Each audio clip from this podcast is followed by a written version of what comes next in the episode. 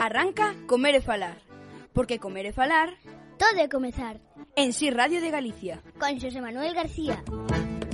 Saudos, moi bons días. Aquí estamos unha semana máis na nosa cita semanal, no Comer e Falar eh, de Si sí Radio de Galicia. Non, non estamos en Xantar, nin tampouco estamos en Etiqueta Negra Gourmet, dous temas dos que poderíamos estar falando agora mesmo, pero como, como sempre este programa non é convocado a este tipo de mm, eventos, pois tampouco estamos neles, entón evidentemente non imos a falar deles, pero temos tantas cousas das que falar, tantas cousas que contar.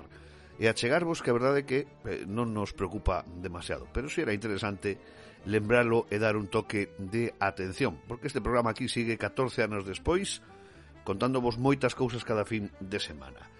Esta fin de semana, pois comezamos, por exemplo, con un novo proxecto que se pon en marcha en eh, na Ribeira Sacra. Nas bodegas Regina Viarum, aí arranca un proxecto gastronómico chamado Vértigo.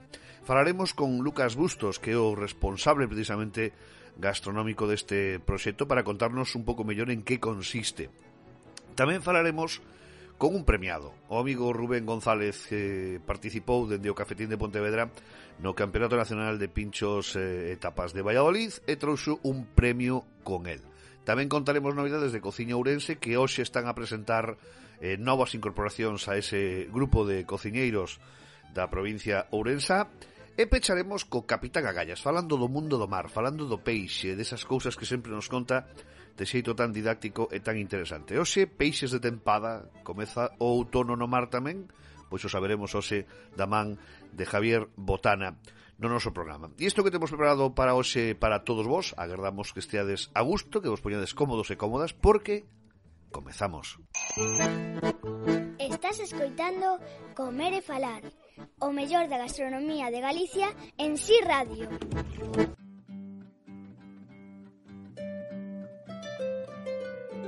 Bueno, pois eh, comezamos o Comer e Falar de hoxe aquí en Si Radio de Galicia viaxando ata unha terra máxica como é a, a Ribeira Sacra para contar un proxecto que pinta moi ben pinta moi ben, eh, agora imos a falar un poquinho del e imos a poñervos en antecedentes porque nas adegas de Regina Viarum xa eh, imaginade a propia ubicación que teñen as adegas que todos coñecedes nese entorno máxico, nesas instalacións increíbles que ademais teñen, pois nace dentro del un proxecto gastronómico que, insisto, pinta moi ben. Primeiro quero saudar o noso invitado eh, que é o que afronta precisamente a parte gastronómica e organizativa deste proxecto.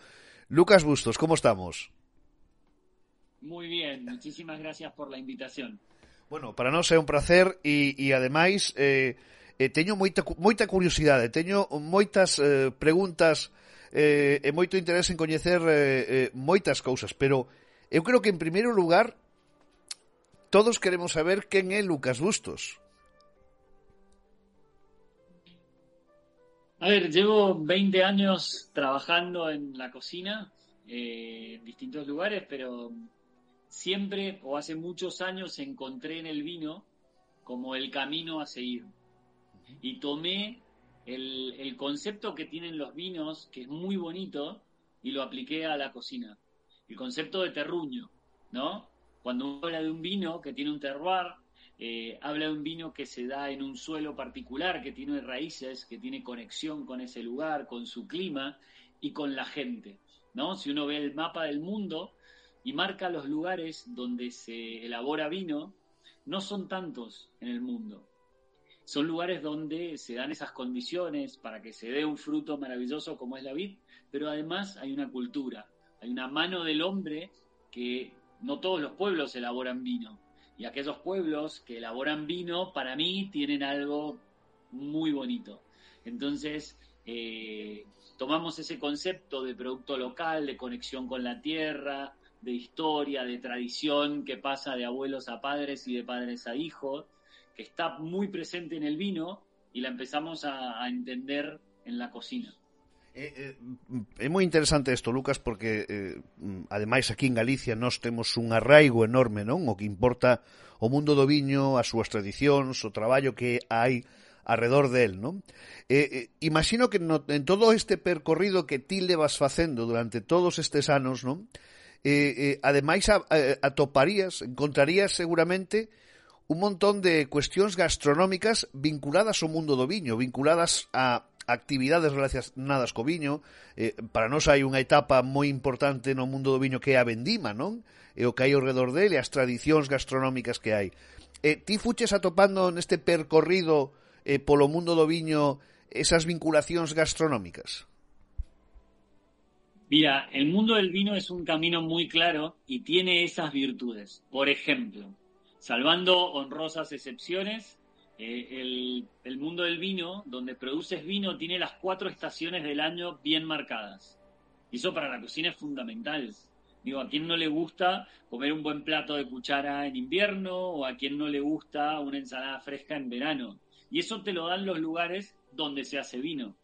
Y uno tiene que aprender a vivir y a disfrutar el verano, el invierno, a trabajar mucho en la vendimia y a descansar y a reponerse en el invierno, que ojo, no se deja de podar, no se deja de trabajar el viñedo, el viñedo es de todo el año, pero los trabajos son distintos y eso también lo hace muy bonito. Uno disfruta de distintas cosas. Eh, eh, Lucas, eh, o primeiro proxecto no que ti decidiches eh, que querías vincular eh, esa gastronomía ao mundo do viño, onde naceu? Onde foi ese primeiro paso? A ver, tiene muchas, muchas partes. Eh, mi primer restaurante en bodega fue hace 20 años, en una bodega que, que es una bodega de, de, padre francés y de y un desprendimiento de grandes compañías y un, un loco emprendedor decidió poner una pequeña bodega y, y darme la oportunidad de, de, practicar esas ideas que yo tenía dentro de su bodega. Eh, Jean-Pierre Thibault, que, que, lo recuerdo con mucho cariño, y, y a partir de ahí, a partir de esa bodega que fue Rucamalén, eh, empezamos a crecer y empezamos a, a, a, jugar a esto de cocinar para un vino. Nosotros entendemos esto al revés que un restaurante tradicional. En un restaurante tradicional, tú tomas la carta, eliges un plato y quizás un camarero o un sommelier, si, si es un restaurante de, de alta gama, te va a recomendar un vino para acompañar ese plato, pero la estrella es el plato. En nuestro restaurante, la estrella es el vino, porque yo entiendo que cuando la gente viaja miles de kilómetros para ir a probar los vinos al lugar donde nacen, o en este caso quizás maneja algunas horas para llegar a la Ribeira Sacra donde nacen estos vinos, el viaje es por las copas.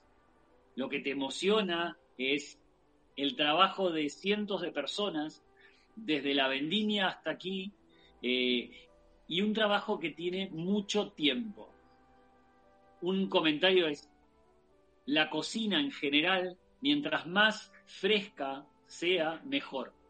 Mientras más cerca estén el origen del producto y el consumo, uh -huh. es mejor. Uh -huh. En el vino, el factor del tiempo juega un papel súper importante. Hay botellas que las esperamos un año, dos años, tres años, diez años.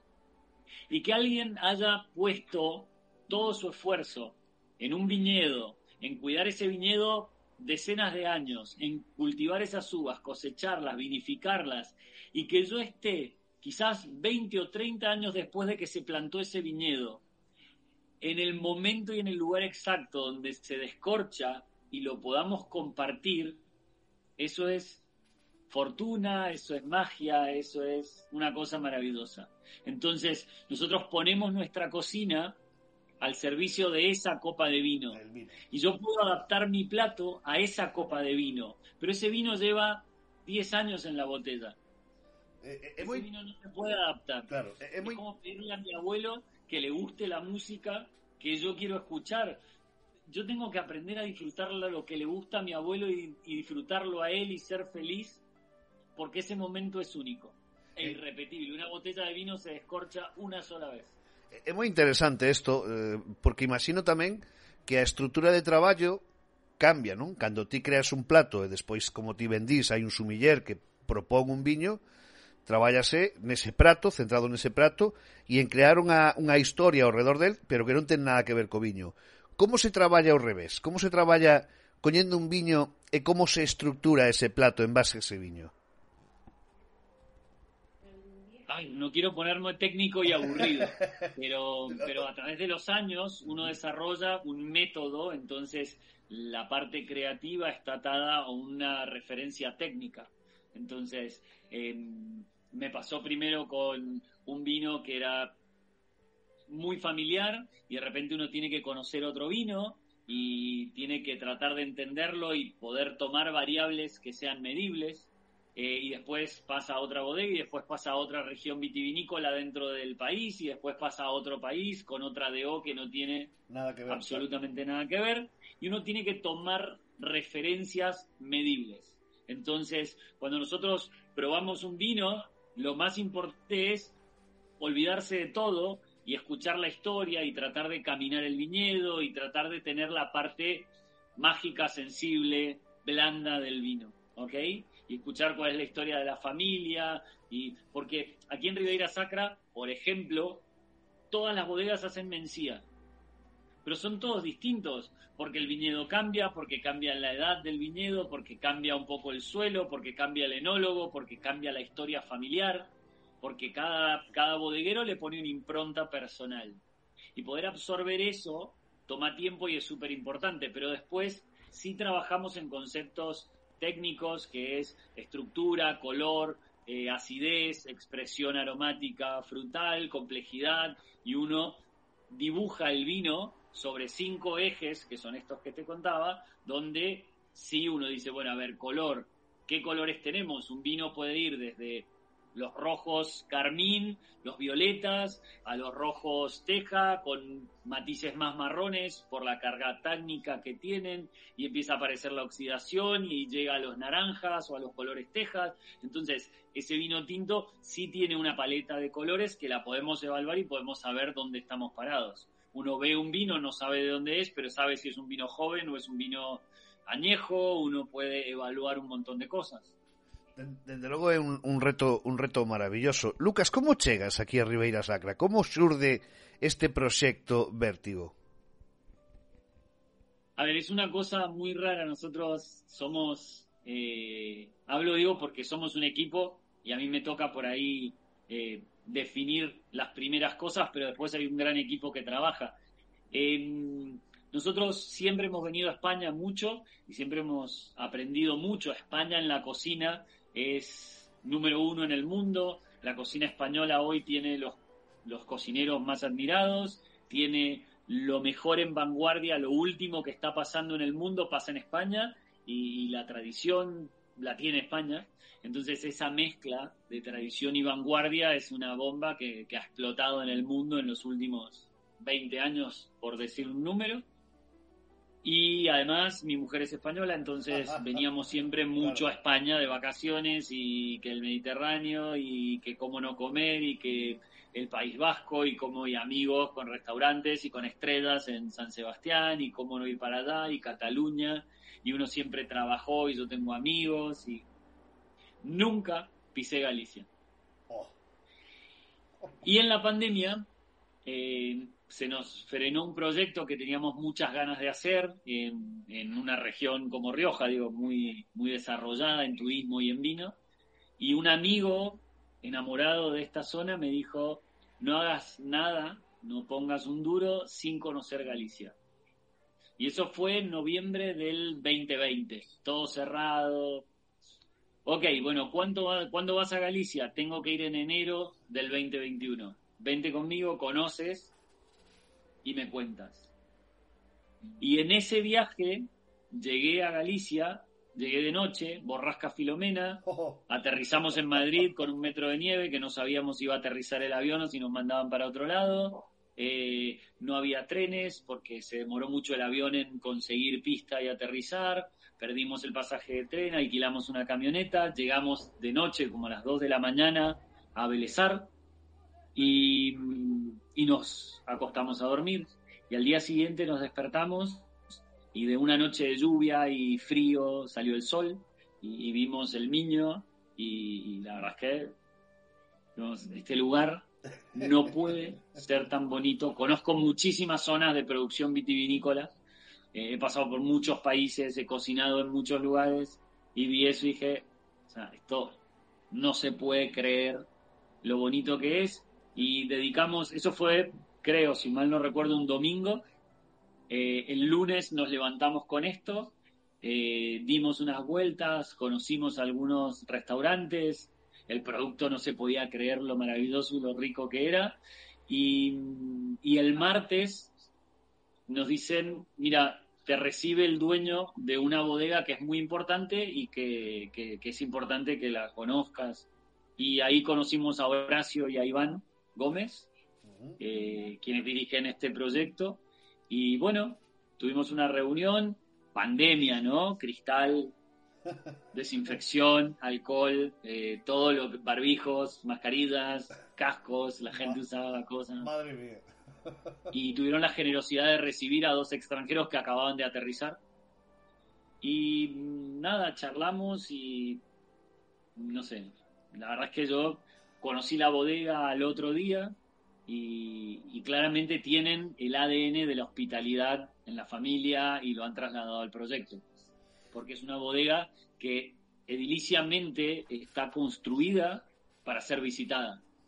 No es una bodega que hace vino y además la puedes visitar y además podemos aquí en un rincón convidarte un vino para que pruebes. Es una bodega que el vino está pensado para ser compartido, para ser puesto en la mesa y la verdad es que nada, todo ese esfuerzo y toda esa historia merecía tener un restaurante un restaurante que se pone en marcha, que, que como contábamos, eh, presentábase esta semana y que xa se pode reservar e xa se pode visitar, non, eh, Lucas? Sí, sí, por supuesto. Eh, ya estamos, llevamos en realidad unos días, llevamos unos meses, llevamos un poco más de un año de trabajo, pero bueno, hemos abierto la puerta oficialmente el día de ayer y, bueno, ya se puede reservar y ya se puede venir a visitar la bodega y quedarse a, almorzar o a probar alguna de las propuestas que tenemos. Eh, podería afondar en que propostas gastronómicas tedes eh, na vosa na carta de Vértigo, pero eu casi prefiro animar a xente a que vaya a descubrirlo. Eu quería transmitir e contarlle a xente precisamente a historia que había detrás deste proxecto, un proxecto que xa está en marcha nas adegas Regina Viarun e que eh, a fronte equipo está eh, Lucas, que está conosco aquí precisamente no, no e Falar. Eh, eh, Lucas, ti vas a estar por aquí habitualmente, imagino, non? Sí, por supuesto. A ver, eh, vamos y venimos. Eh, tenemos un equipo de, de, chicos que son de aquí. Eh, llevamos un poco más de un año trabajando en la zona y armando equipo y, y, ya digo, es nuestro restaurante. Cogimos un restaurante el año pasado que nos ha permitido trabajar todo el año eh, aquí en Monforte y, y, bueno, conocer el producto. Entonces llegamos a la apertura con, con equipo, con un año de trabajo previo y estamos súper contentos. Si bien yo tengo compromisos en otros países y la temporada si bien aquí es invierno, en el hemisferio sur es, verano, y es temporada alta. Así que sí, sin duda, el verano estaré instalado aquí y en invierno pues voy y vengo y cumplo con, un montón de, compromisos. Pues eh, a próxima cita, si te parece, para este programa Comer e Falar e para nuestro canal de YouTube será sentarnos ahí contigo charlar, es charlar co equipo, eh, si pode ser incluso con Horacio e con Iván, para contar máis de toda esta historia e contalo máis en primeira persoa, que eu creo que sería eh, moi bonito. Eu quero agradecerte moito, Lucas, que estiveras hoxe conosco no Comer e Falar e darte a noraboa a ti e a todo o equipo por este proxecto que, insisto, pinta francamente ben. Muchísimas gracias y bueno, te esperamos por aquí porque todo esto debe hacerse con una copa de vino en mano. Eso o teño claro, eh? iremos por aí con nosa cámara, con noso micrófono e charlaremos con moitísima calma. Querido Lucas, moitísimas grazas, é eh, un verdadeiro placer estar contigo. Un abrazo grande, muchas gracias.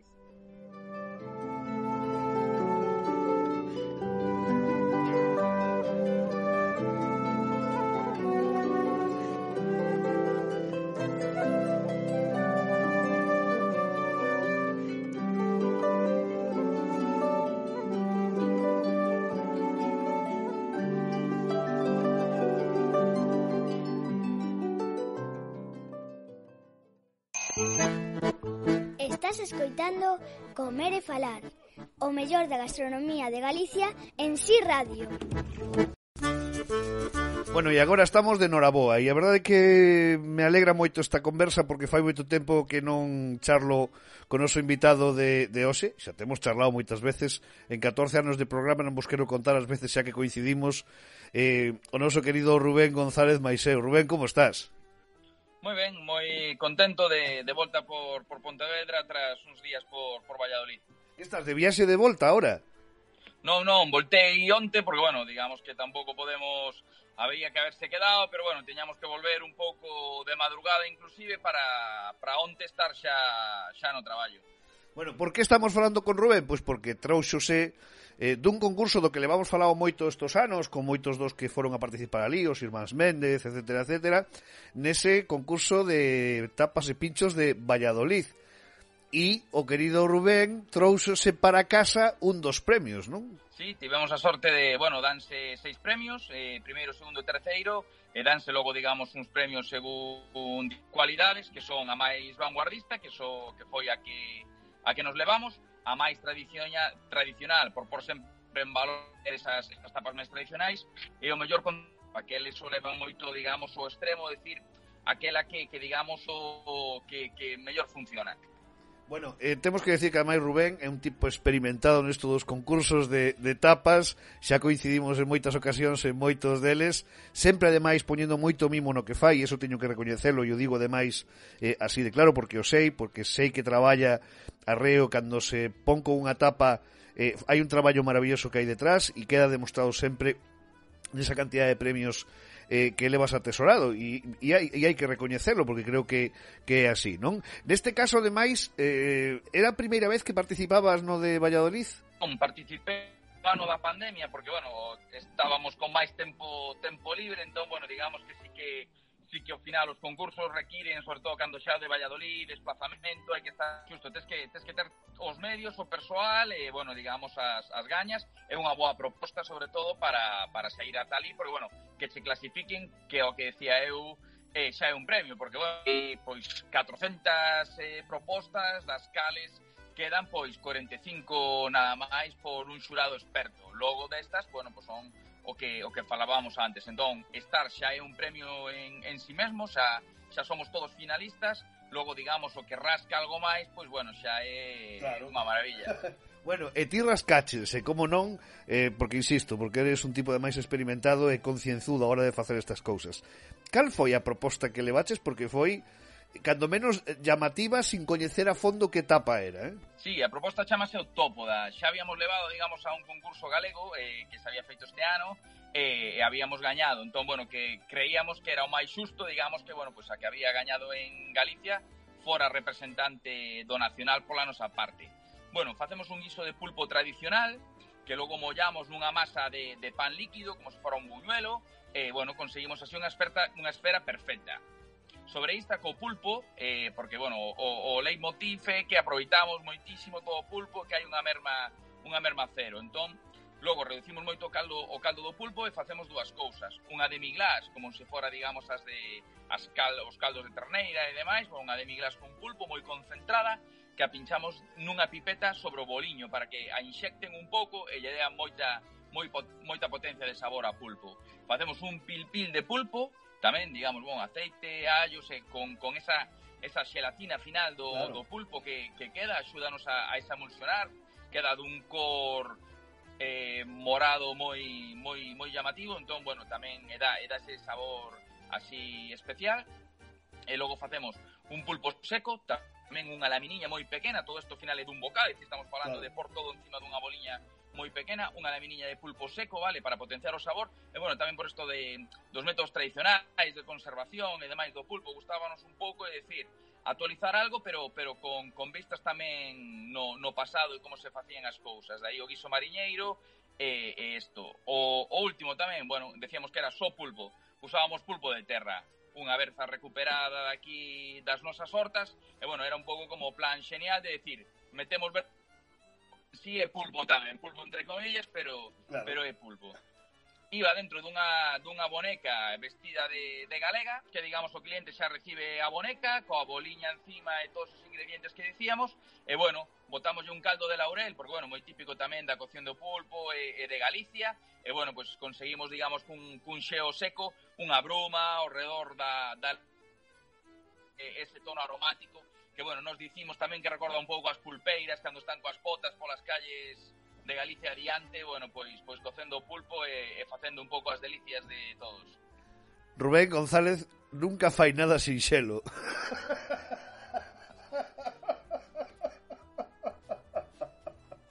A verdade é que así, ¿eh? creo que nos coñecemos xa uns cuantos anos eh, eh, eh, é case, é case, máis complicado de contalo que de facelo. Eh, claro. Oye, querido Rubén, eh, a verdade é que me alegra un montón verte outra vez. Eh, eh teño ganas de que nos vexamos con calma tamén en persoa, pero de verdad que noraboa. E, eh, e eh, o digo de corazón, eh, porque sei que sempre faz un esforzo enorme nestas cousas, e pose moito cariño e moito traballo, e, e é merecedor recibir esos premios por, por, por ese traballo, non? E eu creo que iso é importante. Toca volver o cafetín, toca volver o chollo, isto moito concurso, pero hai que volver aí a darlle tralla, eh? Isto como como digo, como dis, tivemos sorte de gañar distintos distintos concursos, pero ao final non sei se cando seamos vellos eh, estemos jubilados porque no momento casi non, non hai minuto a, a digamos a, a desfrutalo como como seguramente se merece, é dicir, bueno, logo co tempo ou, ou cando perdamos todos, pois nos daremos máis conta do, claro. do, que, do que quizáis non disfrutamos na medida, pero bueno, o, a hostelería moi envolvente, entón, bueno, xa entras no servizo do día seguinte, no servizo da noite, E, bueno, ao final diso se trata e nada, o traballo e o que, o que manda. O espectáculo ten que continuar. Ten que continuar. Querido Rubén, boa a ti e a todo o teu equipo eh, do Cafetín. Grazas por estar aquí no Comer e Falar e voltamos a vernos pronto, eh? Nada, un, un placer e cando queiras. Estás escoitando Comer e Falar, o mellor da gastronomía de Galicia en Si sí Radio. Bueno, e agora, dende Pontevedra, onde falamos fai un ratiño con Rubén González, viaxamos ata Ourense. É verdade que aínda non faláramos co novo presidente do grupo Cociña Ourense, pero, eh, como é amigo, sempre está aí ao outro lado, podemos falar como, como di outro sempre en calquer momento. Gerson Iglesias, como estamos? Que pasa, amigo? Como estamos? Bos días. bueno, por aí polas terras da Allariz, non? Sí, señor, es un alaricano máis, ahora xa oficialmente. Antes estaba así de eh, medio adoptivo, pero agora xa é oficial. Bueno, canto leva xa con erva en, eh, no, no Oca Hotel de Allariz? Os dous aniños xa. Dous anos xa, parece mentira, eh? Sí, sí, eso mesmo penso a veces, que xa pasaron dous anos, unha pandemia polo medio todo. Eh, sí, verdad que foi un visto non visto estes Bueno, un proxecto bonito, por certo, onde eh, mm, non é fácil nunha cadena hotelera eh, mm, marcar unha impronta propia, non? Eh, marcar un estilo propio e unha filosofía propia. E creo que o estás conseguindo con Herba, non? Pois sí, é un camiño longo, e difícil, pero pero bueno, eso con gañas, pois demostrando que se pode facer cousas eh, bueno, incorporando moito no seu proxecto Herba eh, en Allariz, e que Allariz se sinta parte de, do hotel, de, de erva, eh, non sentir os pardaleriz, que isto é a premisa básica que coa que había que, que arrancar, e a partir de aí, pois, bueno, ir sumando, sumando, poquinho a pouco, eh, sobre todo o que nos costa bastante, como en moitos hotéis, pois que a xente de fora do hotel pois, veña a consumir a túa restauración, Eso costa moito, entón, bueno, estamos centrando nesta parte un poquinho na xente da Llariz para que, bueno, que saiban que poden vir a tomar algo, a cear, a tomar unhas, pinchos ou que queiran eh, bueno, estamos aí na loita. Bueno, temos que decir que, de feito, eh, cando estamos grabando esta entrevista, eh, ten que ir a facer un show que precisamente agora en Allariz con produtos de, de outono. Sempre, eh, Gerson sempre ademais moi activo en todo o que ten que ver no seu arredor, e eso os que coñecemos a, a Gerson o, o sabemos, pero tamén eh, activo con esa asociación de cociña ourense nestes intres que estamos escoitando esta entrevista, eh, se si non me equivoco, xa se fixo unha presentación no Salón Xantar en Ourense de novas incorporacións eh, o grupo, non, Gerson?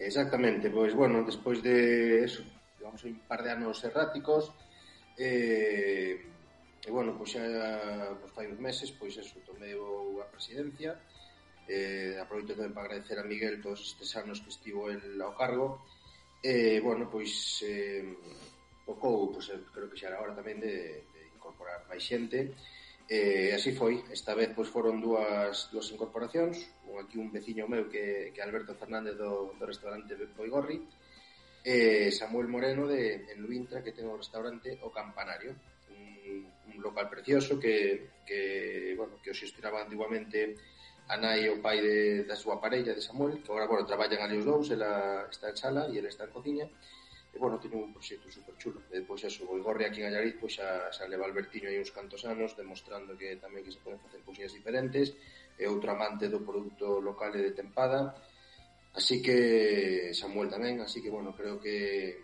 que son dous candidatos perfectos para, para estar con nós.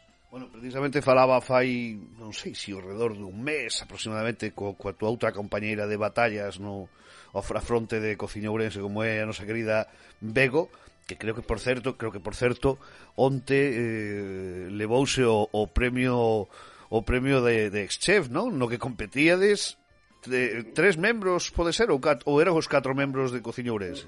Estaba Samuel, xa que se inaugura. Pois isto era, había un, previamente que vendías no local, había votación do público, e eh, dun xurado, eh, despois desos pasaban catro a final, que foi esta que me falas, que gañou a xefa Bego, que tamén aproveito para felicitala, que se vai a Madrid a gran final, que dei o segundo, e despois Samuel e Marco Varela de Sábrego, pois, eh, terceiro cuarto. Bueno, pois decía eu que falaba con Bego precisamente de que entraba entraba des nunha nova etapa da, da Asociación de Cociña Ourense, eh, que comezaba despois eso a, a ter unha actividade marcada xa polo pro, pro propio fórum gastronómico e outros eh, lugares onde estivechedes Bueno, eh, en todo caso, eh, retos que podan quedar por diante eh, para Cociña Ourense nesta nova etapa que xa afrontachedes co cambio de directiva, con a incorporación agora de dous, dous novos membros, eh, retos que plantexades eh, de aquí en diante, Gerson?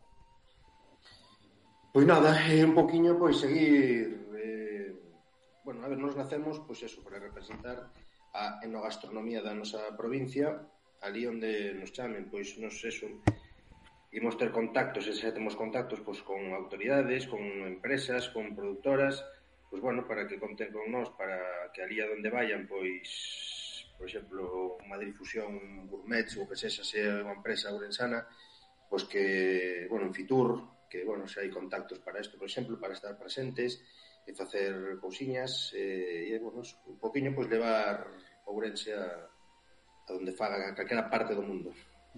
Bueno, eh, eh, traballar tamén un pouco no oído, eu non sei se si nos colectivos de cociñeiros eh, si se traballa tamén en perspectivas de mellorar incluso digo tal como están as cousas agora mesmo, non? E entendo que isto que vou plantexar é difícil e complicado, non? O de centralizar, eh, incluso ter propios eh, sistemas de, de, de central de compras e cousas dese estilo que podan mellorar Eh, digo tal como están as cousas, eh, Gerson, porque está complicado as subidas de precios, eh, ter que buscar cada vez máis o, como mellorar os costes, etc, etc. E dese traballar tamén nese eido ou, ou eso é algo que plantexades moito a, a longo prazo? Sinceramente, eso é algo que non está sobre a mesa agora mesmo, non obstante, eh, sí que me parece un tema a tratar interesante.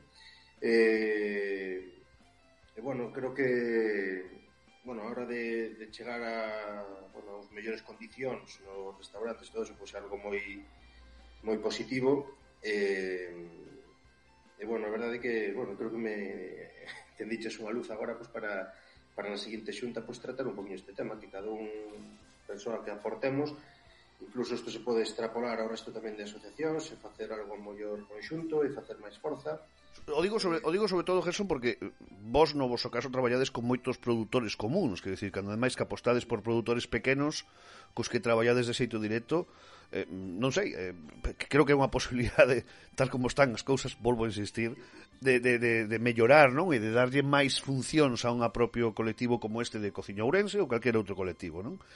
Entón, bueno, me imagino que pode ser unha opción interesante, cando menos a medio plazo mellor.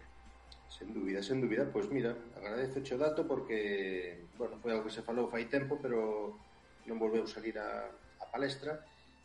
E, eh, bueno, pues mira, retomaremos o tema, eh, creo que é necesario eh, é importante. Querido Gerson, é un placer sempre falar contigo, alegrome moito de verte, de escoitarte, e eh, moitos éxitos que te desexo como, como ben mereces, eh? Josema, pois pues nada, tío, moitísimas grazas unha vez máis por contar comigo, un placer charlar un ratiño contigo, Eh, cando queiras, aquí estamos. A darlle duro. Vamos.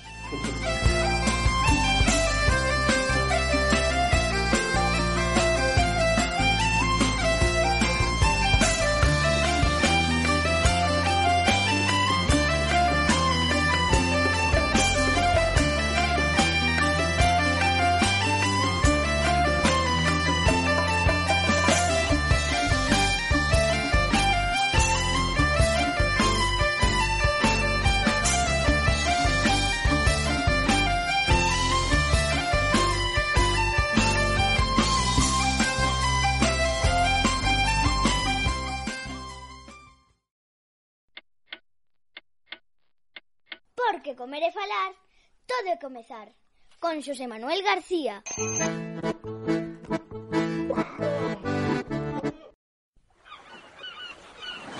Estades listos, rapaces? Sí, capitán! Non vos escoito! Sí, capitán! Uh, el vive na piña debaixo do mar. Capitán, agallas! O seu corpo absorbe sin estalar. Capitán, agallas! Mellor amigo que poidas desexar. Capitán, agallas! Como un peixe é fácil flotar. Capitán, agallas! Todos. Gagallas, capitán, gagallas, capitán, gagallas, capitán, gagallas, xa chegou. En Comer e Falar, Javier Botana, o capitán Agallas dende o fondo do mar. Ai, como me gusta voltar a escoitar esa música do Capitán Agallas aquí no Comer e Falar, eh, porque sí, toca falar do mundo do mar, toca charlar con os amigos Javier Botana. Como estás, compañeiro? Muy bien, aquí ya a las puertas de diciembre. Pois sí, estamos hoxe aquí ademais para falar do mar, como facemos sempre con noso querido Javier, porque aparte, claro, eh, estamos a falar da, de dunha nova tempada, tempada de, de, de falábamos outro, outro día da castaña, etcétera, etcétera, pero eu imagino que no mar tamén hai tempadas, non, Javi?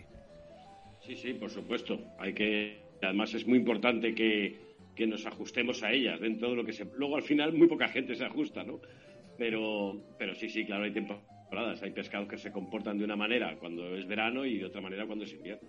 Claro, eh, eh, Javi, as vedas evidentemente están eh, están asociadas a, ao tempo o, onde están ovando, desovando os, os peixes e todo isto, non? Pero tamén está asociado ás épocas do ano mm, eh, en canto a eso, outono, primavera, verano eh, e inverno. Sí, están porque las temporadas realmente eh, cuando uno habla de temporadas es eh, lo que se refiere es cuando a mejor está el pescado, ¿no? En esa época, por la cantidad sobre todo de grasa, que es lo que nos va, es lo que nosotros, eh, digamos que entendemos como calidad de pescado. Es decir, eh, ahora mismo, por ejemplo, no es interesante para nada los pescados azules, porque los pescados azules han abandonado ya el Mediterráneo, han abandonado nuestras costas, ahora están en otras partes, están en el Índico, están en o pueden estar incluso cerca de América, etcétera, aunque los tengamos aquí, aunque tengamos aquí unos pocos, la gran mayoría ya se han ido, ¿no? Entonces, eh, ahora intervienen otros pescados. Y dentro de estos pescados que, digamos que podemos tener ahora en otoño y sobre todo serán más interesantes en invierno, están lo que yo llamo los pescados semigrasos. Os emigrasos, a min gustábame moito estes días, porque como, como estou sempre moi pendiente de todo o que vas contando no, no Instagram, non? sempre esa cultura que nos aportas maravillosa sobre o mundo do mar. Claro, nos estamos a celebrar esta fin de semana eh, unha, unha festividade que é importante en todo Galicia, que está relacionada con Agosto, que está relacionada con xuntarse nas carballeiras a tomar o pulpo de churrasco, que é o San Martiño. E que peixe o San Martiño, non? Que é un deses peixes que ademais marcan esta tempada, non? Claro, claro, empieza ahora, el 11 de noviembre, y le da nombre, el patrón le da nombre a, al pez. Y, y, y precisamente coincide con que está en su mejor momento. En su mejor momento, es decir, un pescado semigraso es aquel que ni es blanco, con poco contenido en grasa de la carne, ni es azul. Porque si recordamos, los pescados blancos acumulan la grasa en el hígado y los pescados azules lo acumulan entre las fibras musculares. Por eso tienen mucha más cantidad de grasa. Bueno, pues tenemos los semigrasos que están entre unos y otros. Y ahora, cuando llega el invierno, se llenan de grasa. Para, pues, pues también para eso, para, para combatir el invierno, etcétera, ¿no? Y el San Martín o el San Pedro, mal llamado San Pedro, o el San Martín o el San Pedro, pues eh, empieza la temporada el 11 de noviembre. Luego vendrán los demás espáridos. Por ejemplo, el besugo también empezará ahora, aunque el más interesante será luego en enero. Pero todos estos pescados que nosotros denominamos semigrasos ahora van a estar muy jugosos. Eh, por exemplo, o San Martiño eh, gusta eso que, que, que, que matizabas, non? Porque ten, ese outro nome que é o de San Pedro, pero mal chamado San Pedro, non? Porque hai un supostamente unha historia, pero que non coincide. Conta como esa historia.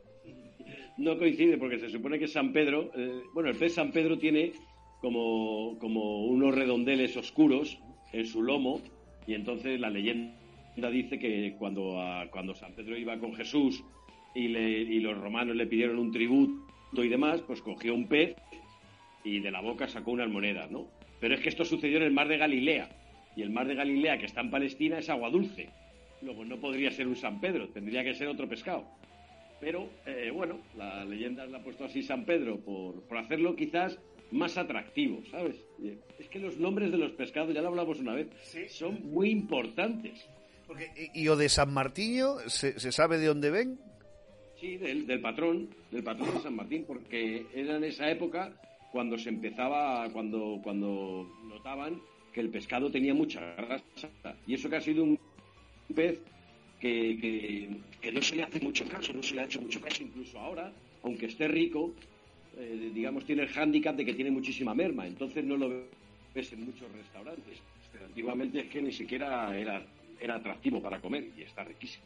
Bueno, eu aquí que eu teño visto principalmente cociñado enteiro, non? Que é un pouco eh, como mellor eh, teño visto presentado, non?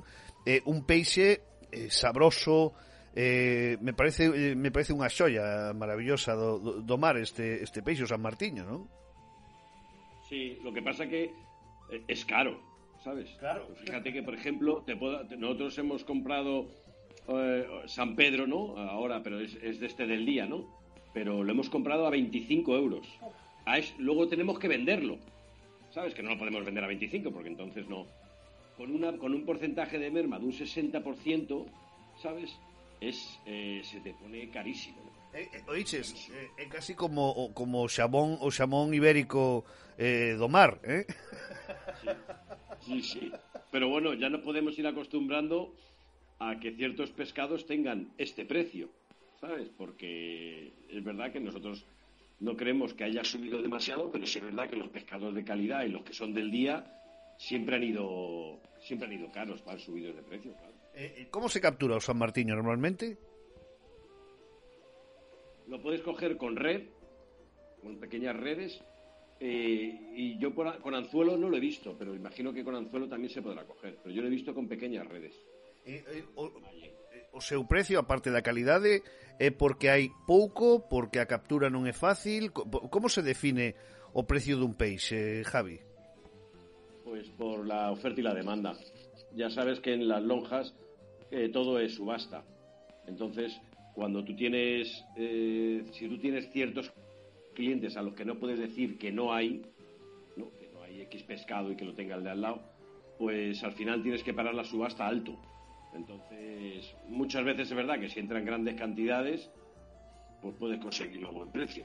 Pero si quieres, sobre todo pescados que son del día, porque los pescados ya que, que digamos que ya son de barcos que ya más, llevan más tiempo en el mar y demás, eso sí, eso sí, los pescados son bastante más baratos. Pero si quieres pescado del día, es que no entra tanto, es que no hay, no hay tanto para, para, el, para la demanda que hay, porque en España nos encanta nos encanta comer pescado. Y aquí en Madrid son devoradores de, de pescado.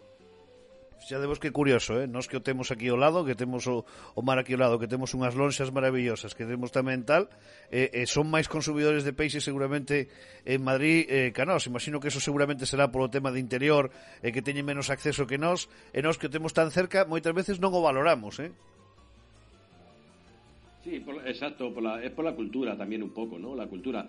Y aquí además, restaurantes, los restaurantes que van cogiendo prestigio lo cogen a través del pescado y no a través de la carne. ¿sabes? El pescado es algo que da mucho caché a un restaurante. De todos modos, nosotros, en España, aunque tiene mucha costa, nuestra plataforma, que digamos que es donde dividían la gran mayoría de los, pez, de los pescados, es muy pequeña la plataforma, que digamos que es lo que, lo que entra, la, la parte de, de tierra que entra en el mar, es muy estrecha. Nosotros realmente nos abastecemos de la costa francesa, de la zona de Gran Sol, de la costa de Portugal y sobre todo de la zona eh, sahariana, de la zona de Marruecos y del Sáhara. Porque nosotros, aunque, aunque es verdad que, que seamos un país con mucha costa, lo que más tenemos es pescado azul. No tenemos tanto pescado ni semigraso ni blanco como para abastecer ni siquiera el país.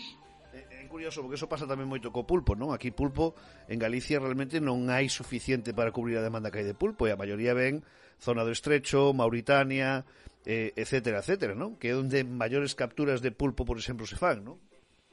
Sí, pero además con el pulpo hay un tema, hay un tema curioso, por lo menos que sucede aquí en Madrid. Yo creo que, en, o sea, dependiendo de la zona geográfica, comemos de distinta forma, ¿no? Entonces aquí en Madrid nos hemos acostumbrado a que, por ejemplo, el pulpo o el calamar esté blando. ¿Sabes? Entonces, ¿qué sucede? Que aquí el tubo de pota, ¿sabes? El tubo de pota que viene de Argentina, de Perú y demás, sí, sí. que es un producto que está tratado químicamente para ser comestible, porque es muy duro, y luego encima tiene blanquearlo. Eh, llega un momento que en boca es muy suave, entonces a la gente cuando le das tubo de pota, que es bastante, bastante más barato, pero además de inferior calidad, eh, le gusta y cuando le das calamar te lo devuelven porque está duro. Claro. Pasa lo, pasa lo mismo con el atún salvaje. El atún salvaje eh, tiene menos grasa que el atún de vivero, que lo tienen confinado y lógicamente eh, pues es un atún que engorda, como si a nosotros nos dejan en una habitación durante un año, pues salimos más gordos y solo nos dan de comer. Pues la gente se ha acostumbrado a esa grasa. Con la lubina de, de piscifactoría exactamente lo mismo. Ahora que las lubinas ya de piscifactoría se pueden llegar hasta 3 kilos, 3 kilos y medio, 4 kilos, tienen muchísima grasa. Tú abres el pescado y ves que la falda tiene, tiene una capa de grasa enorme. La gente dice, qué sabroso. Y entonces el pescado salvaje ya les parece seco. Entonces el pulpo gallego en Madrid no funcionaría porque tiene es más duro que el, marroquí, por ejemplo. Bueno, eu, eu non imaginar tomar un trozo de pulpo e que sexa chicle, e que sexa ou que se desfaga. O sea, me parece inviable. Ten que ser, como digo eu, detallada, de masticar. Eh, de que mastiques dous ou tres trozos e digas, isto é pulpo, non? Eh, pero sí é certo que aquí hai unha curiosidade, ti sábelo ben, porque Eh, os galegos tamén somos moi raros, eh? Quero decir, eh, queremos presumir de comer pulpo galego e o pulpo galego ten unha característica que eh, na cocción, sin que haxa sobrecoción, é máis factible que a pel se perda un pouquiño, se, se desfaga, se solte un pouquiño, cousa que non pasa co de Mauritania, co do Estreito, etc, etc. E é curioso, porque cando te poñen realmente un pulpo galego e a xente o ve feo, non o quere, dice, este pulpo non é de aquí, non, e queda aquí. Mastica ese pulpo, xa verás como sabe seguramente, non sei, a centola, a, a 20.000 cousas das que se alimenta o pulpo, non? En cambio, queremos ver un pulpo bonito, pero se si queremos ver un pulpo bonito, bonito que non se desfaga, seguramente non se sea de aquí. Somos un pouco incongruentes nese aspecto, non? Sí, la nueva, y las nuevas generaciones, porque yo creo que la gente de mi edad y, y, y más mayores que yo, claro, no había esta globalización, no había esta, esta rapidez de llegar, de llegar pescado de cualquier parte del mundo eh, en, en muy poco tiempo. Entonces, al final en Galicia se consumía lo que había en Galicia. Y, y, vosotros, ¿quién mejor que vosotros que estáis allí, sabéis cómo sabe una nécora gallega o cómo sabe una nécora francesa? Mejor vosotros que nadie. Claro. Al final va a llegar un momento, llega un momento en que el vivero gallego accede a la nécora francesa, que está más barata. Empieza a trabajar la nécora francesa. ¿Qué pasa con el bogavante? En Galicia bogavante hay, pero muy poco. Muy poco. Casi todo viene de Escocia e Irlanda. Sí. Entonces, y lo, y lo tenéis ahí en, vuestras, en vuestros viveros. Y ya la gente no lo distingue. Yo no lo distingo. Yo hice un vídeo cuando estuve en Coruña, fui a la plaza de Lugo, porque yo no sabía distinguir los bogavantes azules de, de fuera al de interior. Me explicaron un poco. Luego en las redes he tenido gente que lo pesca, dicen eso es mentira, son, son iguales, no hay quien los diferencie y demás. Es verdad que unos, el gallego estaba un poco más sabroso, menos seco que el irlandés, pero hay que ser muy fino. El caso es que si los viveros de Galicia tienen acceso al irlandés que va más barato y encima hay mucho más para abastecer un mercado nacional, Claro. le ponemos el apellido de gallego y lo vendemos. ¿Por qué? Porque el que te lo está vendiendo es un gallego. Claro. Entonces, tengo bogavante. es que esto influye, ¿eh? Esto influye. Para eso tamén somos vos vendedores, hai que recoñecelo. Eh. La gente se tiene que buscar la vida. Eh, eh, Javi, antes de rematar, falamos do San Martiño, eh, ten imitadores o San Martiño, que decir, peixes que se sean da mesma eh, da mesma especie eh, que podan eh, que podamos tamén destacar? Eh, que así, muy parecidos al San Pedro, mmm, yo no conozco. Además de esa fisonomía que tiene, es, eh, es, como plano, pero con los dos ojos a un lado, sí. mientras que, por ejemplo, podríamos decir a lo mejor el gallo, porque también le llaman gallo San Pedro. Sin embargo, el gallo es un pez plano que está posado en el suelo con los, con los dos ojos en la misma cara. Entonces, no, el, el pez San Pedro es un pez eh, básicamente muy auténtico. O sea, no, no hay no hay otro, hasta el nombre es bonito, Zeus Faber, ¿no? Eh, no hay otro pescado que sea, que sea por lo menos fisionómicamente parecido. Cuando le llamen gallo San Pedro, es verdad que la carne tiene un cierto toque a los gallos. ¿no? Bueno, eh, outro día, eh, na, no próximo capítulo, falaremos dos peixes planos, que tamén é un mundo moi curioso eh, eh, e interesante, porque hoxe xa se nos bota tempo en riba. Querido Javi, grazas unha vez máis por estar no Comer e Falar abrazo, José María. Co despedimos a todo el mundo. Despedimos o capitán Agallas, despedimos o programa. Voltamos a vinir a semana no a comer e falar con moitas máis cousas. Que disfrutedes do que queda de semana. Chao.